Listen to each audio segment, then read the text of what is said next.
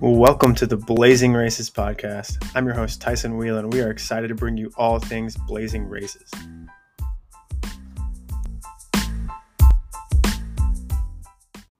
All right, welcome back to another episode. In this episode, we're going to be talking to Emma Huston. She's a former Drake University runner who has recently got a OTQ for the 2020 Olympic trials in the marathon, and then also was the Lincoln Marathon champion. Welcome, Emma.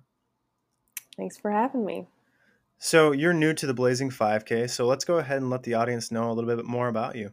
Well, I uh, grew up in Des Moines. I went to Roosevelt and ran there. And then I ran at Drake for four years, track and cross country. I'm pretty happy with how that went. And then I moved out to Portland.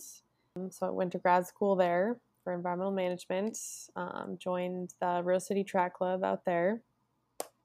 Great uh, track scene out there, obviously. And I recently moved back here um, out in Portland, when I was there, I ran in the 2020 Olympic marathon trials, like you said.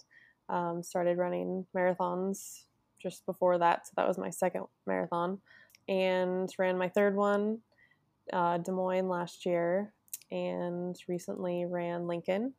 Um, planning to run CIM in December this year, so I'm excited for the Blazing 5K uh, as a tune-up. Awesome. So you're uh, you're a marathon specialist, we can call it then. Sure. Okay. you know, you've got seems like what you're focused on right now. But um, yeah. So yeah. We're, we're glad to have you. Uh, how has training been going? Pretty good. I uh, took some easy months in the summer after uh, Lincoln, just kind of doing some fun runs. But in the last few weeks, I've been doing some harder workouts, uh, up in the mileage and everything. So that's been going pretty well. So got to get the leg speed for doing 5K. But yeah, for sure. Uh, so you mentioned that Lincoln was maybe your last race. Is there anything between uh, now and then that you had notable performances in, or you want to walk us through how Lincoln went? Uh, yeah, that was my last race. It was good. Um, I went in not really sure what to expect, um, but I ran uh, 238.17, so I was happy with that. I wish it was uh, a minute 18 seconds faster, mm-hmm. so I could have been sub 237, but for this year's or this cycle's OTQ, but hopefully the next one. See, so you got plenty of time still, so yeah, windows just opened. Uh, but yeah, no, that's pretty impressive. So uh, obviously you're getting ready for the 5K as well as the CIM here. So uh, what made you decide to do the Blazing 5K? Are you are you excited for something in particular, or just chasing a like you said leg speed? I guess. Yeah, I haven't run a 5K since uh, NCAA regionals, like a like a hard 5K, mm. um, my senior year of college. So I am excited to see what I can do. I don't know. Well, I don't even know what I can do.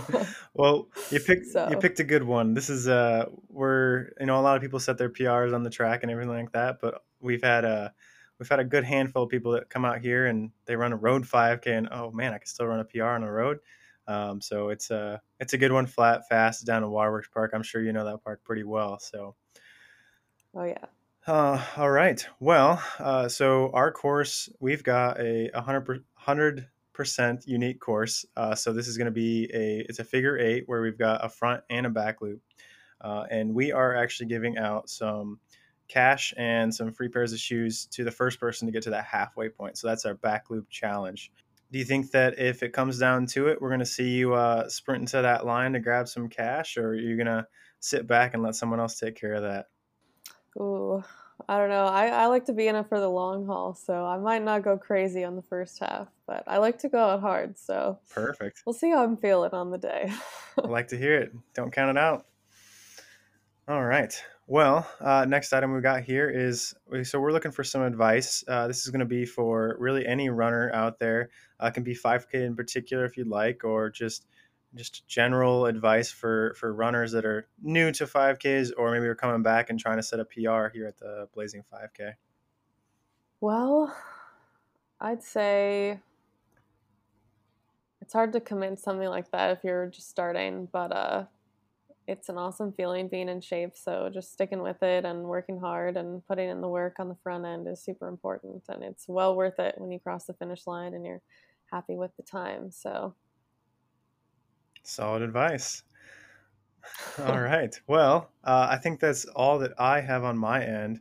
Um, we're just going to look for any last parting words. You got anything else you want to say to the audience?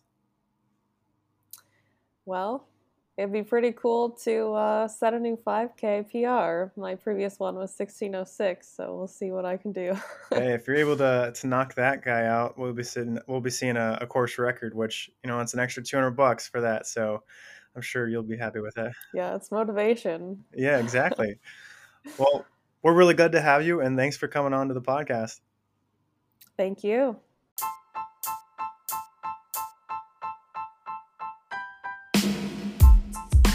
Now, if you like this episode, go ahead and subscribe, share with your friends, and we'll see you out there.